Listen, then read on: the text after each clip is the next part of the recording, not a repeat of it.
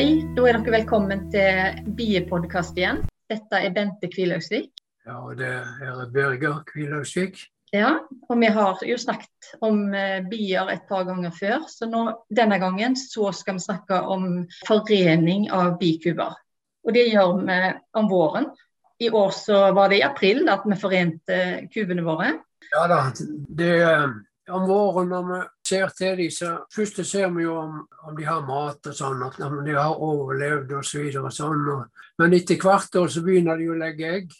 Ja, Og eh, da vil det vise seg etter hvert om det er noen som ikke legger egg. Og Det er da vi må tenke på forening. Så når det gjelder forening, da, så har vi jo det vi kan kalle planlagte forening. ja, Det vil si at eh, vi har bestemt oss allerede i året før hva vi vil gjøre. Hvis det er noen svake kuber som vi har, så, så vil vi forene dem med f.eks. en avlegger med nye dronning.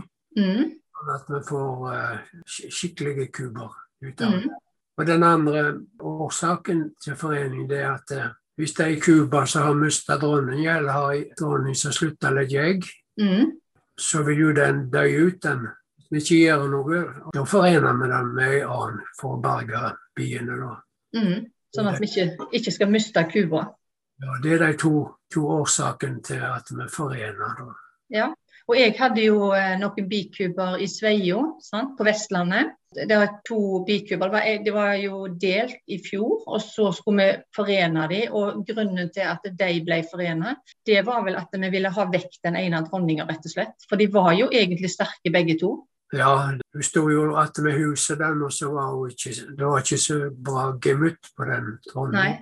de var litt sånn eh, Sur og sint av og til. vi har bitte litt sinte bier, så det vil vi ikke ha. Vi vil ha snille bier. Så den dronninga, den ville vi ha vekk. Ja. At vi forente den. Ja, og så er det jo sånn at det, det skal bare være ei dronning oppi. Sånn at man skal sette i sammen to sånne bikuber.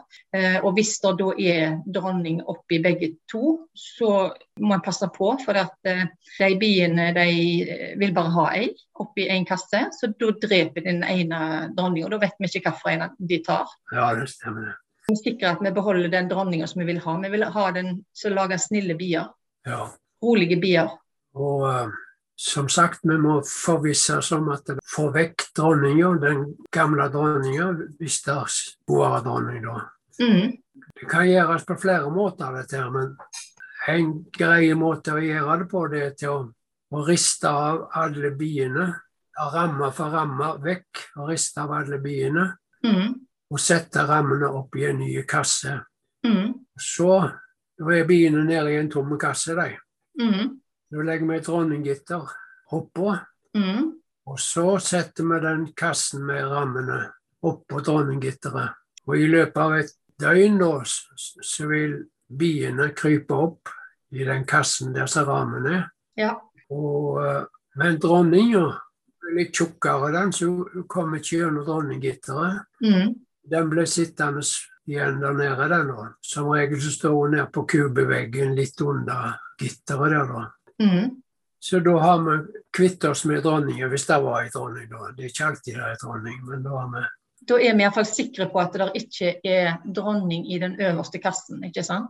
Ja. Mm. Så det vi gjør da, det er at vi går til den kuba som vi skal forene med, og så legger vi et avispapir oppå. Tar av toppen før, så legger avispapir oppå. Ja. Og så, så setter vi den andre kuba oppå der, da. Mm. Sant? Og da er det kanskje det er ti rammer, eller det er, det er iallfall rammer eh, både i den nederste og den øverste kassen som vi har da, ikke sant? Ja da, det er, ikke- det er ikke fullt med rammer. De har isolasjon og rammer. Ja. noen av hver.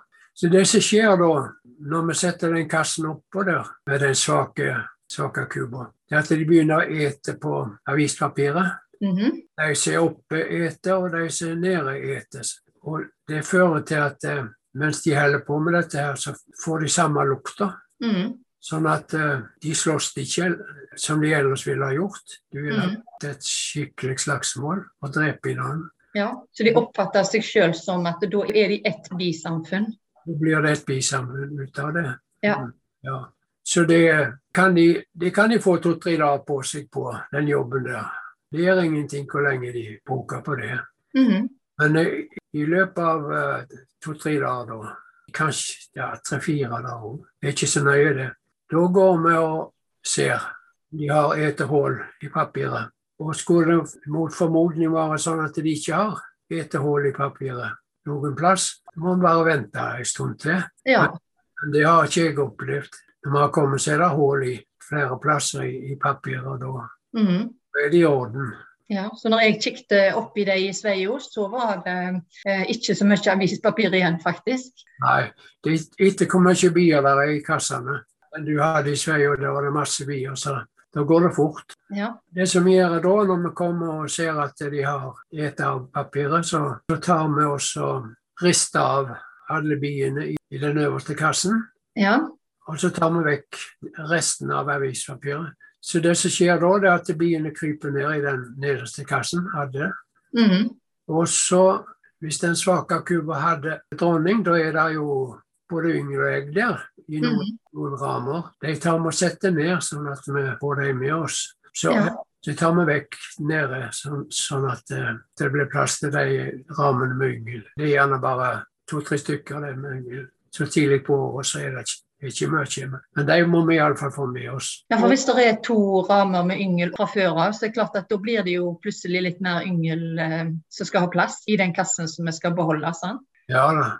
Så det kan jo bli noen ramer med yngel da. Ja da, for den, eh, den andre har som regel flere rammer da. Ja. Så var det vel gjerne noen tomme ramer, eh, og så var det gjerne noen ramer med sukkervann som de hadde fått om høsten. Sant? Så det passer vi òg på, at det er passelig med plass, og at det er passelig med mat. At de har, li- har litt sukkervann eh, i tilfelle det blir kaldt. Ja da, man pa- passer på at de har det de trenger da der nede.